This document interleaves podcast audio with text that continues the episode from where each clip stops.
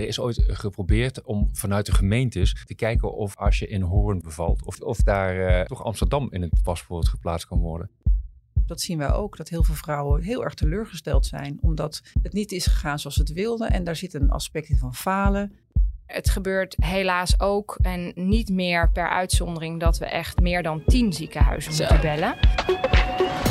Na negen maanden zwangerschap is het dan eindelijk zover. Het pufklasje is afgerond, de weeën beginnen, de vluchttas ligt in de auto. Maar dan blijkt dat er helemaal geen plek voor je is in een Amsterdam ziekenhuis. Waar moet je dan naartoe? Welke invloed heeft dit op de bevalling? En waarom bevallen steeds minder Amsterdamse vrouwen thuis?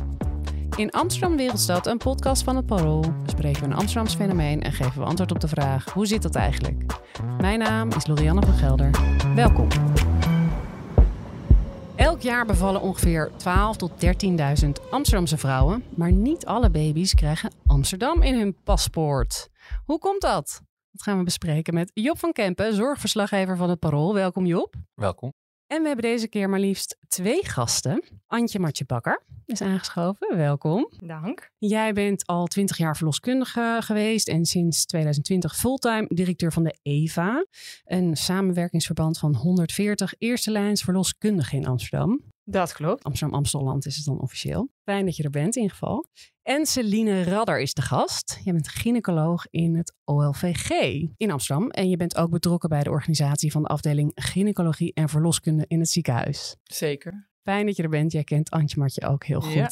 En om nog even, eh, even strak te schetsen wat er aan de hand is. Er zijn dus 12.000 tot 13.000 Amsterdamse vrouwen die bevallen. Nou, eigenlijk wil iedereen natuurlijk liefst dichtst mogelijk bij huis bevallen. Wil graag Amsterdam in dat paspoort hebben. Er zijn ongeveer 8 op de 100, als ik het dan even zo goed zeg, eh, die dan toch buiten de stad moet. Omdat het te druk is in de Amsterdamse ziekenhuizen. En, en Job, jij zit hier als versla- zorgverslaggever, maar jij woont ook in Amsterdam. En je hebt de afgelopen twee jaar twee kinderen gekregen. Vier jaar, twee Nou ja, kinderen. vier jaar, twee kinderen inderdaad. Ja. Dat was wel heel rap geweest. Maar ik vroeg me af, kon jouw vriendin eh, in Amsterdam bevallen? Ja, eh, dat kon. Maar de, de krapte in de geboortezorg merkten we ook wel een beetje tijdens de geboorte. Want onze dochter is eh, in augustus geboren. Dan is het traditioneel minder goed bezet in de ziekenhuizen. Er zijn mensen met vakantie. Er zijn mensen met ook in vakantie. het ziekenhuis. En terecht.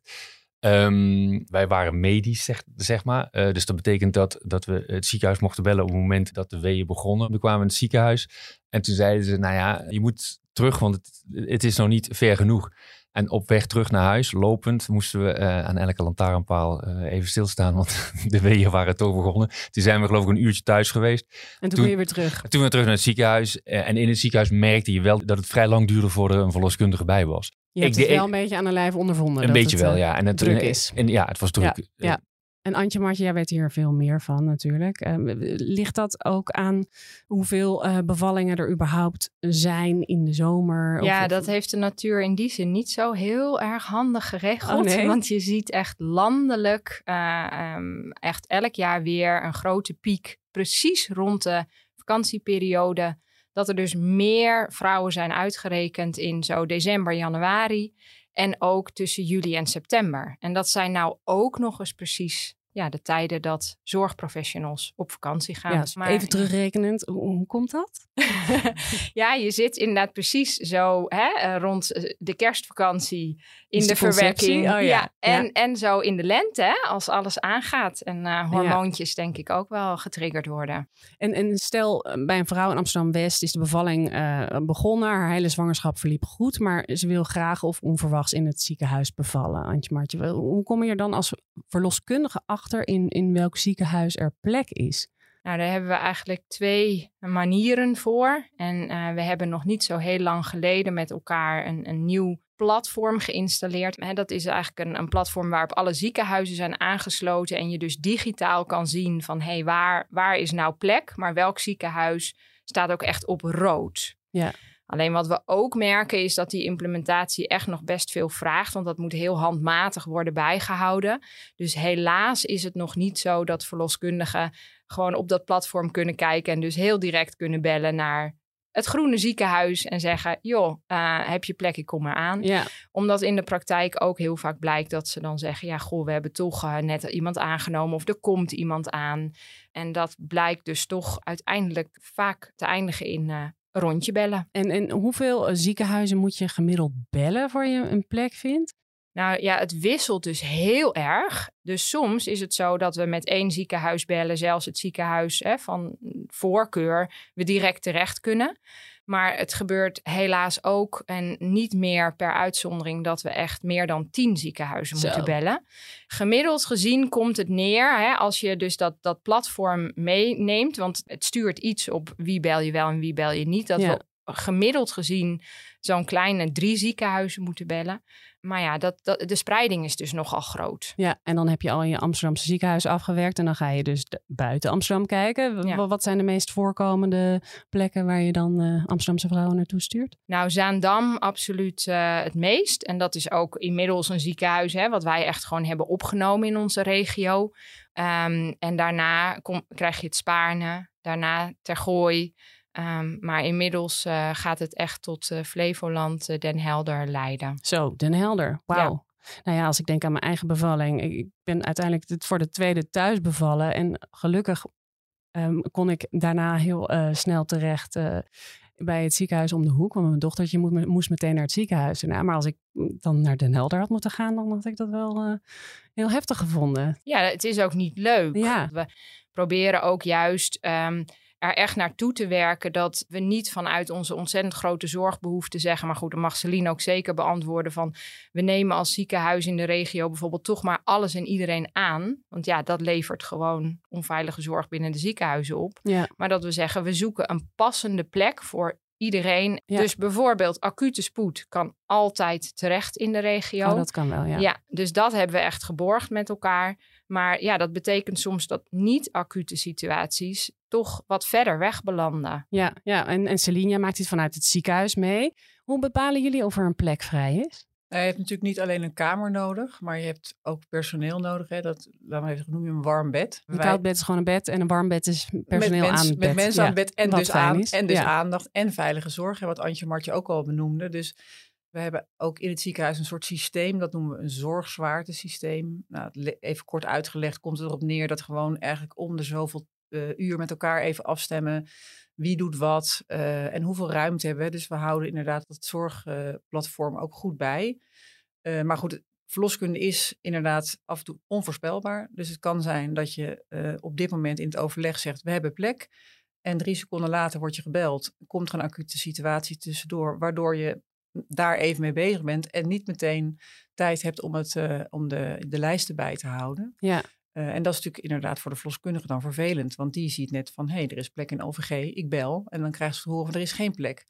Maar voor ons als zorgprofessionals in het ziekenhuis net zo. Ja, ja. Want je wil eigenlijk iedereen die bij jou wil komen bevallen gewoon graag een plek geven. Ja, ja, precies. Maar dus voor de goede orde, er zijn eigenlijk wel genoeg ziekenhuisbedden, maar er is niet genoeg personeel om de bevallingen te begeleiden. Nou, er is denk ik wel genoeg personeel, maar je hebt eh, te maken met piekbelastingen. Op een bepaald moment ineens komt het allemaal tegelijkertijd. Ja.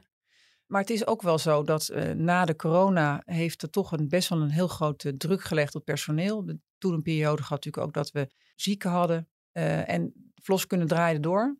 Want we zagen juist meer bevallingen eigenlijk. hè? Ja, ja iedereen had tijd. Ja, iedereen had tijd. Ehm, dus dat heeft best een hele grote druk gelegd. En daar hebben we eigenlijk nog wel een beetje last van. En daarnaast, ja, de zorg. En de zorg kampt sowieso met een tekort. Precies. Hè? Dus je ziet dat, eh, dat mensen een ander vak kiezen. De onregelmatigheid valt niet mee. Eh, natuurlijk eh, momenteel ook dat mensen graag een gezin en hun werk willen combineren. Maar dat zijn veel ballen met de lucht te houden. Dus er is een baan waarbij je minder onregelmatigheid hebt. Waarbij je in de stad kunt blijven. Want de woonruimte in Amsterdam is ook niet makkelijk. Ja. Het salaris speelt ook nog wel een rol. Nou, er zijn een aantal factoren waarom op dit moment het moeilijk is om zorgprofessionals te hebben. En, en is, er, is, het duidelijk of er ook gevolgen zijn voor moeder of kind als het lang duurt voordat ze ergens terecht kunnen? Nou, kijk, ik kan me voorstellen dat eh, het op dat moment gewoon überhaupt vervelend is. Als je als vrouw ligt te baren, dan wil je je niet druk hoeven te maken over eh, waar je terecht kan. Daar heb je dan gelukkig ook anderen voor die dat voor jou regelen, de verloskundige thuis. Maar je zal dat ongetwijfeld wel voelen. Dat er, hè, dat geeft natuurlijk spanning Ja. bij de zorg. En eh, spanning is niet per se goed. Nee, is niet per se goed. Maar als je nou vraagt, dan is dat wetenschappelijk aangetoond dat dat vervolgens dan nadelig effect heeft op de pasgeboren baby? Nou, dat niet. Kijk, we weten wel als algemeenheid dat stress niet goed is. Maar dit is natuurlijk niet een langdurige stress. Je bent, dat hoop ik tenminste, dat de zwangeren in Amsterdam niet de hele zwangerschap stress hebben. Over het feit waar ze hun bevalling kunnen aangaan. Dat is niet de bedoeling, daar zijn wij voor. Ja. En dus dat nemen wij, eh, dat nemen we ze graag uit handen. Ja, ja, precies. En, en, en Antje Martje, in, in, een eerder interview met het Parool uh, vertelde jij dat, uh, dat er in de zomer jaar geleden 60 vrouwen waren um, die het niet lukte om een verloskamer in een, een ziekenhuis te vinden. Daarvan waren er 24 die om medische reden naar het ziekenhuis moesten. En van vier omdat er sprake was van een, een, een acute situatie. Is dat dit jaar weer zo voorgekomen? Of is dat. Nou, gelukkig niet. Het is dus um, sowieso vind ik de nuance belangrijk aan te brengen dat die vier acute situaties uiteindelijk natuurlijk wel geplaatst werden. Ja. Maar dat we merkten dat daar een bepaalde vertraging in zat. En het feit dat dit uh, alles bij elkaar gebeurd is, um, maakte dus voor ons allen een, een heel duidelijk signaal. Dus daar hebben we dus inderdaad ook de afgelopen jaren heel hard aan gewerkt. Om, te, ja, om wat ik net schetste, die juiste passende plek voor mensen te borgen. Um, en dit jaar is ons dat goed gelukt. Ja? Dus ja, we zijn heel blij. Um, we zagen ook wel minder barenden deze zomer in totaal. Oké. Okay. Dus dat heeft ons ook een beetje geholpen. um, maar ik denk dat dat met ook het samenwerken hè, tussen ziekenhuizen is veel intensiever geworden. Dus als de een wel plek heeft en de ander niet, verwijzen ze naar elkaar.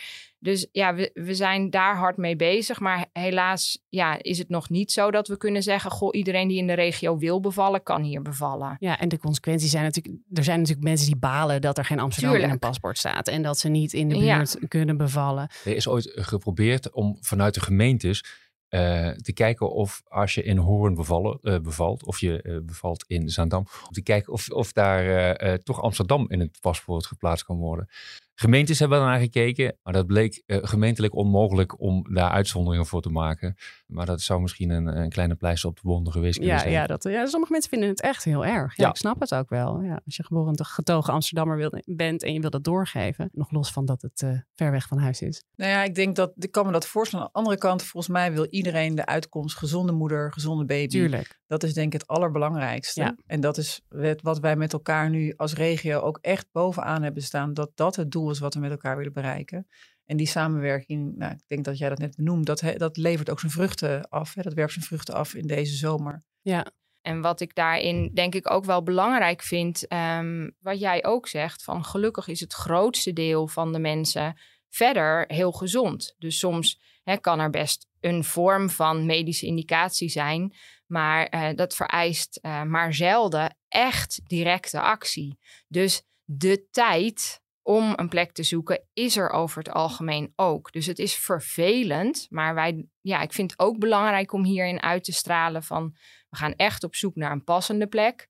Maar daarbij ook, nou ja, vertrouw ook hè, op je eigen kracht en kunnen. En, um, en, en over het algemeen dus de basale gezondheid die we met z'n allen hebben. Ja, ja ik ja. moet toch nog ook even denken van een, een, een we hebben een, een tijdje geleden van collega Malika Seville een, Ja. een stuk gehad in de krant over een vrouw die uiteindelijk in, in een ambulance is bevallen. Als, als, een, als een van de weinige echt extreme voorbeelden Ja. van dat je nergens terecht kon. Dat, eh, Maar zelfs dan gaat het dus gelukkig, uh, misschien wel 99 van de 100 keer, ook goed. Ja, en, en zijn er ook minder thuisbevallingen nu dat het uh, wel druk, nog meer druk is gekomen op die ziekenhuizen?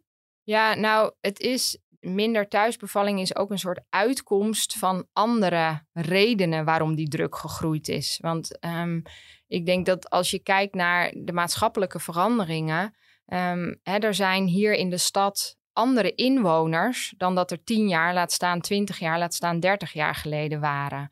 Um, En wat bedoel je met anders? Nou, we zien veel meer mensen uh, uit het buitenland hier met verschillende achtergronden. Dus bijvoorbeeld, uh, we zien een enorme groeiende uh, populatie mensen die niet goed Nederlands spreken, waarvan ook de gezondheidsvaardigheden ja, minder zijn dan de gemiddelde Nederlander. Dus waarbij ook wat meer medische complicaties vaak voorkomen, omdat ze ja, gewoon iets andere vormen van problematiek hebben. Dus die moeten um, sowieso naar het ziekenhuis? Nou, hoeft niet per oh. se, maar daarbij is de kans wel groter. Je ziet ook in algemene zin uh, overgewicht, hè, maatschappelijk gezien enorm stijgen. Uh, de kans op hoge bloeddruk stijgt, puur door hoe wij leven, gemiddeld gezien in Nederland. Hè. Ja. Dus het ongezonder worden uh, is een grote component. Maar daarnaast zien we bijvoorbeeld ook een hele grote groep um, uh, expats in Amsterdam. Ja. Die heel vaak vanuit het buitenland gewend zijn dat geboorte niet een natuurlijk fenomeen is. En eigenlijk al bij de verloskundige binnenkomen van, nou, zodra ik ga bevallen wil ik een ruggenprik. En heel veel van die mensen bevallen uiteindelijk zonder ruggenprik. Maar we zien in algemene zin ook wel een groot stijgende trend tot de behoefte aan pijnstilling. Ja, is, eh, heb jij cijfers over hoeveel het 30 jaar geleden uh, voorkwam dat er thuis werd bevallen en, en nu? Nou, uh, zeker. Kijk, 30 jaar geleden was het alles wat echt aan het eind van de zwangerschap helemaal gezond was en aan het eind van de bevalling was ongeveer 30% wat, wat thuis beviel. Nu is dat in Amsterdam nog ongeveer 10%. Dat is echt een flinke daling, ja. Maar als je dan bijvoorbeeld kijkt korter geleden, hè, dus die cijfers heb ik er even bijgepakt. In 2010 was het aantal mensen die in de bevalling pijnstilling wensten, over dus het totaal van die 12.000 zeg maar, hè, was maar 3,8 En uh, dat was uh, richting 2020 15 procent. Oké. En daarnaast, maar goed, dat kan jij misschien beter beantwoorden, zien we ook gewoon wel meer medische protocollen. Hè? Dus dat we met z'n allen ook scherper worden op, nou, wanneer leiden we een bevalling in? En nou ja, daar kunnen medische gronden achter zitten. Maar dat, dat, als je dat in balans brengt met de capaciteit die ja, om die zorg te leveren afneemt, doet ook iets met, uh, met die relatie, zeg Ja. maar. Nee, ik denk inderdaad, die, wat Antje Martje benoemt, de, de problematiek van de basisgezondheid. Inderdaad, door overgewicht, meer problemen, hogere bloeddruk, vrouwen met zwangerschapssuikerziekte. zie je ook dat daardoor medische indicaties toenemen. Maar ook problematiek tijdens de zwangerschap en uh, tijdens de uitdrijving. Dus het moment dat de baby geboren moet gaan worden. Als je dan uh, een bepaalde verwachting had van hoe je ging bevallen. Hè, veel vrouwen willen ook graag wel beginnen thuis. Hebben een heel idee. Ja, ik Ook kan me ook voorstellen dat, dat de eisen wel wat, wat eh, ja, Ja. meer zijn geworden. Een bevalplan, Ja. eh, dat, dat werd in geval mij gewoon voorgelegd. En Ja. eh, een hele lange lijst met alle mogelijkheden. Van Ja. doula's tot een bad tot... nou Nou ja, met name ook heel veel wensen. Hè? En, Ja. en, en idee over hoe een bevalling moet gaan. En het is natuurlijk heel fijn als de bevalling zo gaat zoals je hem gewenst had. Maar dat lukt niet altijd. Dus bevalplan is denk ik goed, omdat je daarin eh, een aantal wensen kan uiten. die je vervolgens met je zorgverlener of de verloskundige of de dokter of verloskundige in het ziekenhuis kan bespreken.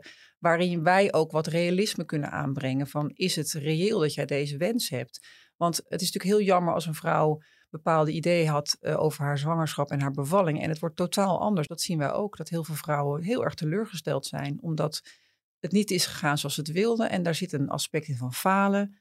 Eh, Er komen ook een toenemende vrou- mate vrouwen die het als traumatisch hebben ervaren. Oh ja. dat, nou, dat is natuurlijk totaal niet wat we willen. En dat heeft met verwachtingen en Met uitkomst te verwachtingen, maken. ja, precies. Het is, dus dat is denk ik echt ook iets waar we... Nou, het is ook wel een beetje de, de huidige tijd met sociale media en de Instagram... waarbij nou ja, de, de mooie beelden worden getoond.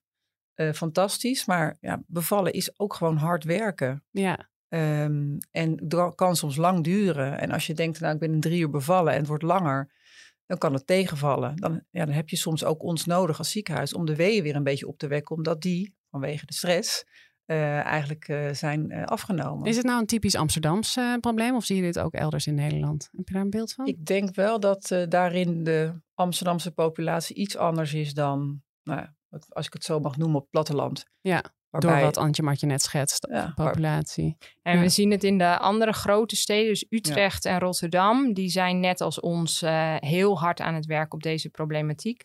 Maar eigenlijk zie je dus eh, het als een soort vlek uitspreiden. Dus hè, zo zijn er bijvoorbeeld ook ziekenhuizen die op een bepaalde locatie de afdeling geboortezorg sluiten. Bij ons hè, spelen dus meer de problematieken die wij beleggen. En meer in ja, de wat stillere regio's zie je sluitingen. En ontstaan er dus gewoon overal ja, verplaatsingen. Wij kunnen inmiddels al niet meer naar Utrecht verwijzen, bijvoorbeeld. Oh ja. Want ja, en die ook niet naar ons. Ja. Maar goed, als je kijkt naar landen als Amerika of Frankrijk of Brazilië, weet ik ook wel, dan is het echt doodnormaal eh, om pijnstilling en een keizersnee te hebben en te plannen. En dan, eh, ja, dan ga je gewoon op dinsdagmiddag om vijf uur weet je dat je kind is geboren. Ja, Heel Ehm, praktisch. Ja, heel praktisch. Is niet, niet altijd een goed idee, eh, blijkt uit een Nee. studie van eh, Amsterdam UMC. Want die hebben gekeken naar vroeggeboortes. En die hebben eh, dus over een langere periode een verband gelegd met schooladviezen. En het bleek dat eh, kinderen die via een keizersnee ter wereld zijn gekomen, eh, al iets lagere schooladviezen krijgen. En de gedachte daarachter is dat de bevalling eigenlijk komt op het moment, waarop die moet komen. En als je dat vervroegt, dat een kindje misschien nog niet helemaal is uitgerijpt in de moeder. Ja, maar goed, dan eh, is de druk op ziekenhuizen wel minder groot, omdat je het heel goed kan plannen. Ja, dat is waar. Ja, maar goed, ik denk niet dat het OVG hier eh, op deze Nou, manier in staat. Ik denk dat daar heel veel nuances in aan te brengen zijn. En wat eh, Job al een beetje noemt, zit ook echt wel nadelen aan een keizersnede moeten doen. Kijk, als het moet, dan doen we het. Als we eerder moeten inleiden omdat het mm, eh, belangrijk is voor de gezondheid van de moeder of voor de gezondheid van een baby, dan doen we dat. Maar eigenlijk, feitelijk is hè, de bevalling kondigt zichzelf aan. En het is natuurlijk het mooiste als je dat natuurlijke proces zijn gang kan laten gaan. Ja, is er dan ook een, een lagere tolerantie van vrouwen? Ja, jij- Antje, want jij noemde net ook wel van, nou ja, we zijn ook wel een beetje vergeten eh, dat, dat het werk kost. Eh Celine zegt het eigenlijk ook. Is daar ook echt iets in veranderd? Ja, zeker. Ik, ik, ik heb dus ruim twintig jaar als verloskundige gewerkt. En ehm, waar ik ook niet helemaal toen happy mee was. Maar in, in bijvoorbeeld 2020 was, was pijnstilling nog echt een taboe. was echt een taboe. Hè, dus was echt de mentaliteit van doe maar normaal, dan doe je al gek genoeg, hè, zo in Nederland. En dan moest je in de zwangerschap eh, een afspraak maken bij een anesthesist en al helemaal van tevoren alles vastleggen. Oh ja, dus de andere kant op. Dat dus, was dus, echt. dus- maar het is dus wel. We hebben denk ik wel een soort ja, maatschappelijke opdracht. Niet alleen in de geboortezorg, hè, want we zien het in alle andere zorgsectoren ook. Dat het zorgpersoneel afneemt, mede ook door de werkdruk, omdat cliënten, mensen, patiënten heel veel vragen. Hmm. Dus waar we vroeger eigenlijk nooit naar de dokter gingen, zitten we nu voor een kuchje al bij de huisarts van moet ik antibiotica? ja. En, en ik denk dat, dat waar we eigenlijk op afstevenen is dat het, dat het steeds scherper gaat worden van hé, hey, waar is de zorg voor bedoeld? Voor echt die mensen die het nodig hebben. Maar dat vraagt dus eigenlijk wel heel veel van de bewoners van ons land, maar ook van ons als zorgprofessionals om wel weer een klein beetje terug te halen van hé, hey, in basis hebben we gewoon een lichaam wat heel veel dingen gewoon aan kan. zelf kan oplossen. Ja. ja. Weet je, als het ook gaat om van waar kunnen we hè, naar oplossingen kijken, dan, dan zien wij dus juist ook eigenlijk in het voorkomen van onnodige eh, medische ingrepen een hele groot deel van deze oplossing. En, en bijvoorbeeld een van de dingen die wij daarin als oplossing binnen de stad hebben gemanifesteerd is, is eh, een bevalcentrum. Ja, een nieuw bevalcentrum Ja. centrum in Zuid. En ehm, we hebben in OVG al sinds 2007 een bevalcentrum. En bevalcentrum voor de leek, wat is een bevalcentrum? Nou, dat is een, eh, een, een eigenlijk vergelijkbaar met een ja, verplaatste thuisbevalling of een polyklinische bevalling zou je kunnen zeggen. Eh, bevalcentrum West zit dus in het OVG gehuisvest. Maar waarbij we wel echt een aparte gang hebben. Waar ehm, ja, mensen op, in een soort van huiselijke sfeer. Met ook faciliteiten als een bevalbad en lachgas kunnen bevallen. Maar ergens ook Want wel even voor een de goede orde, lachgas is ook gewoon een... een, een medicinaal, eh, ja. een pijnstiller, maar met name ook ehm, angstreducerend. En daarnaast is het ook zo dat op het moment dat er dan toch een medische reden is eh, om extra medische hulp in te vragen, moeten mensen daar ook wel voor verhuizen. Dus naar de medische afdeling van OVG. Oh ja. Nou, en dan zou je zeggen van, nou, dat klinkt niet, niet zo ideaal, dat tweede aspect. Maar dat werkt dus echt als een soort van positieve drempel. Want we merken dus dat die combinatie van al die factoren, dus die faciliteiten, maar ook dat stukje drempel, maken dus dat we echt, eh, nou ja, bijvoorbeeld 50% minder verwijzen voor pijnstilling. Oh ja? Dan voordat we deze dus faciliteit kwamen hadden. toch weer minder mensen bij Celine terecht in het Juist. ziekenhuis. Oké. Ja. ja nou, En, en, en, dus, de- en die vrouwen zijn hartstikke tevreden. Hè? Bevalcentrum West eh, wordt al jaren ver boven de negen qua cliëntentevredenheid gescoord. En, eh, en dat zijn we dus nu ook in, eh, in Zuid begonnen. ja, ja. En, en even voor mijn beeld. ehm Celine, weet jij hoeveel kinderen jij ter wereld hebt gebracht? In totaal? Ja. Nee, zou ik echt niet weten. Nee, ja, ik, ik, eh, Honderden, duizenden? Ja, duizenden denk ik. Ik bedoel, eh, en, en ik ben gelukkig niet bij elke bevalling eh, meer aanwezig. Natuurlijk wel tijdens mijn opleiding. Ja. Ik moest nog even net aan denken wat we over hadden. Hè, dat iemand dan in een auto bevalt. Ik ben ooit begonnen in Den Haag. En dan moest ik ook wel eens naar de parkeerplaats komen. Oh ja? Dus het is van alle tijden. Ja. Alleen we weten het tegenwoordig gewoon beter. Want het wordt veel makkelijker gedeeld. Ja. Eh, maar goed, dus ja, dus dat heb ik eh, meegemaakt. En maar tegenwoordig, ja, ik kom gelukkig alleen nog maar ehm, bij situaties waarin het niet helemaal gaat zoals gewenst. Hè, dat ik helpen om de baby op de wereld te Ja. zetten. Of met een zuignap, eh, of anders een operatie. Maar het blijft gewoon een, een heel mooi moment. Ja. En dat juist als je merkt dat er spanning is en dat, dat iemand zorg heeft en baringsnood is ook echt nood. En als je daar dan mag instappen en iemand toch daardoorheen mag helpen en je geeft dan de baby aan uh, de, de, de moeder uh, en de vader, dat, dat blijft zo'n fantastisch mooi moment. Magisch moment. Daar en, doe je het gewoon voor. Ja, Anne, weet jij hoeveel uh, kinderen jij ter wereld hebt gebracht? Nee, ik heb dat ook echt niet bijgehouden, maar wel echt honderden en honderden en honderden ja. in twintig jaar. Ja. ja. En dan tot slot voor de Amsterdamse vrouwen die misschien uh, zwanger zijn en uh, deze podcast luisteren, moeten zij zich nog zorgen maken dat ze geen plekje hebben? Of, uh... Nou ja, weet je, wat, wat wij echt proberen uit te stralen is dus, het is realistisch dat het even tijd kan kosten om een plek te vinden, maar vertrouw erop dat er voor acute zorg altijd plek gemaakt wordt en dat we op zoek gaan naar een passende plek voor jou. Misschien mag ik nog even toevoegen ja. dat uh, het belangrijk is dat uh, vrouwen zich ook realiseren dat in een ziekenhuis staat ook een heel team klaar voor ze. Niet alleen maar de gynaecoloog verloskundige, maar ook de kinderarts en ook de operatiekamers, alle medewerkers daar. Dus er is een heel team om voor ze te zorgen. Misschien dat dat ook nog wel uh, geruststellend is. En die zijn daar ook voor hen om te zorgen dat ze een mooie bevalling hebben. Ja, en dat uh, Amsterdam in je paspoort of niet, dat doet er eigenlijk helemaal niet toe. Nou, uh, dat ook teleurstelling er mag zijn. Ja. Maar wel met het begrip dat het soms ook, want soms verheugen mensen zich enorm om in datzelfde OVG geboren te worden, waar zij zelf ook geboren zijn en waar hun ouders ook geboren ja, zijn. Precies, ja, ja en dat, dat, dat gaat niet altijd. Nee. Nee. En gelukkig komen de meeste van de rond de 13.000 kinderen gewoon helemaal blij ter wereld. Zeker. Ja. Mag ik jullie hartelijk danken voor dit gesprek. Job van Kempen, Antje Maartje Bakker en Celine Radder. Wil je meer lezen over dit onderwerp? Ga dan naar parool.nl of download de Parool-app. En we zetten ook een aantal linkjes in de show notes. Dit was Amsterdam Wereldstad, een podcast van het Parool. En de productie en montage waren van Verena Verhoeven. De eindredactie door Josien Wolthuizen. Rinky Bartels maakte de muziek en het artwork is van Sjoukje Bierma. Reageren of vragen stellen kan via podcast.parool.nl. Hartelijk dank voor het luisteren en tot volgende week.